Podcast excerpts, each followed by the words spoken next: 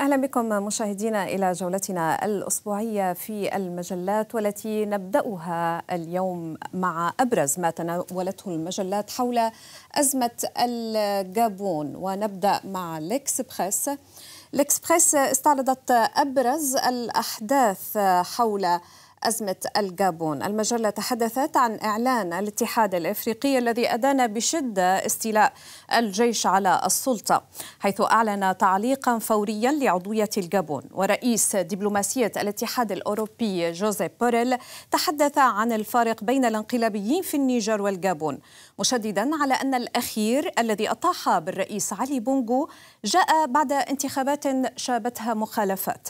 واشنطن عبرت عن قلقها ولندن أدانت الانقلاب ووصفته بغير الدستوري.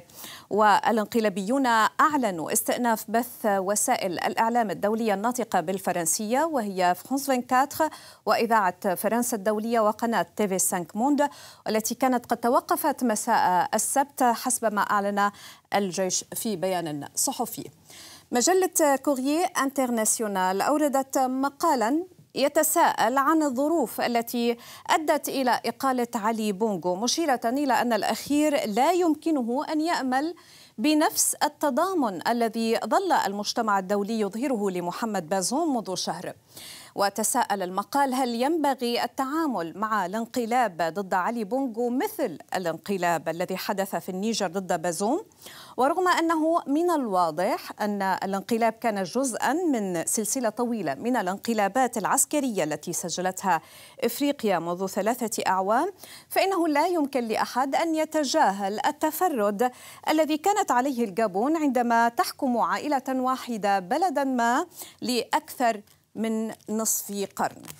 وإلى مجلة لو بوان أيضا حول الجابون تقول لو بوان ما لا يقل عن 146 انقلابا في أفريقيا منذ عام 1952 تقول المجلة مع محاولة الانقلاب في الجابون تزيد إفريقيا من سجلها من الانقلابات وهناك سجل مؤسف يصنف إفريقيا من بين أكثر القارات غير المستقرة منذ الحرب العالمية الثانية.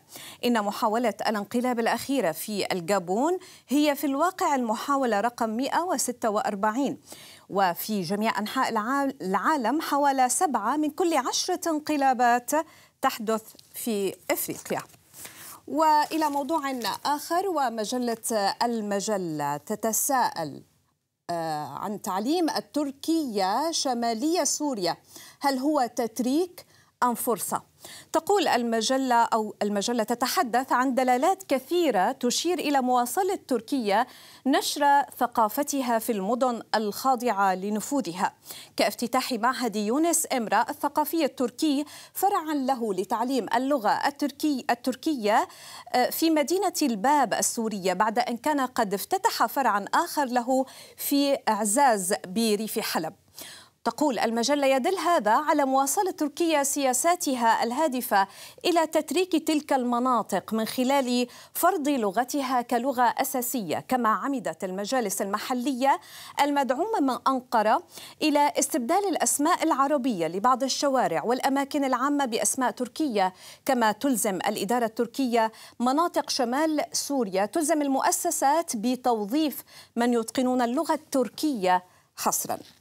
وحول سوريا أيضا ولكن في القدس العربي القدس الأسبوعي تحدثت عن احتجاجات السويداء في سوريا حيث تتصاعد وتيرة هذه الاحتجاجات ضد نظام الأسد مع نهاية الأسبوع الماضي والتي انطلقت كاستجابة لدعوة ناشطين للإضراب العام على خلفية رفع الدعم الحكومي عن المحروقات.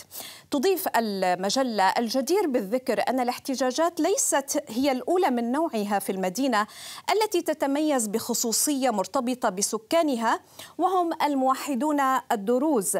كأقلية من جهة ومن جهة مجاورتها لدرعا التي انطلقت منها ثورة عام 2011 ومن جهة أخرى إضافة لمواقعها موقعها الجغرافي على الحدود الأردنية والصلات الدينية الممتدة من دروز الجولان السوري المحتل ودروز لبنان إلا أنها المرة الأولى التي حظيت بتأييد من الرئاسة الدينية للدروز ما أسهم في تصاعد هذه الاحتجاجات وأخيرا مع مجلة مغيان مغيان أوردت مقالا عن إيران بعنوان القضاء يلاحق مغني بتهمة تحدي الحجاب الإلزامي من خلال الأغنية. تقول المجلة بعد مرور ما يقرب من عام على بدء الحركة الاحتجاجية التي أثارتها وفاة مهسا أميني تم اتخاذ إجراء قانوني بحق المغني الإيراني مهدي راحي بسبب بثه أغنية ضد إلزامية ارتداء الحجاب. أهداها إلى النساء الإيرانيات الشجاعات اللواتي شاركن في الحركة الاحتجاجية. وقال موقع تابع للسلطة القضائية الأحد إنه على إثر بث أغنية أسماها أو وصفها بغير القانونية للمغني المغني مهدي راحي تطعن في أخلاق وعادات المجتمع الإسلامي تم اتخاذ الإجراءات القانونية ضده. بهذا مشاهدينا نصل إلى ختام هذه الجولة الأسبوعية في المجلات، شكرا لكم على حسن المتابعة وإلى اللقاء.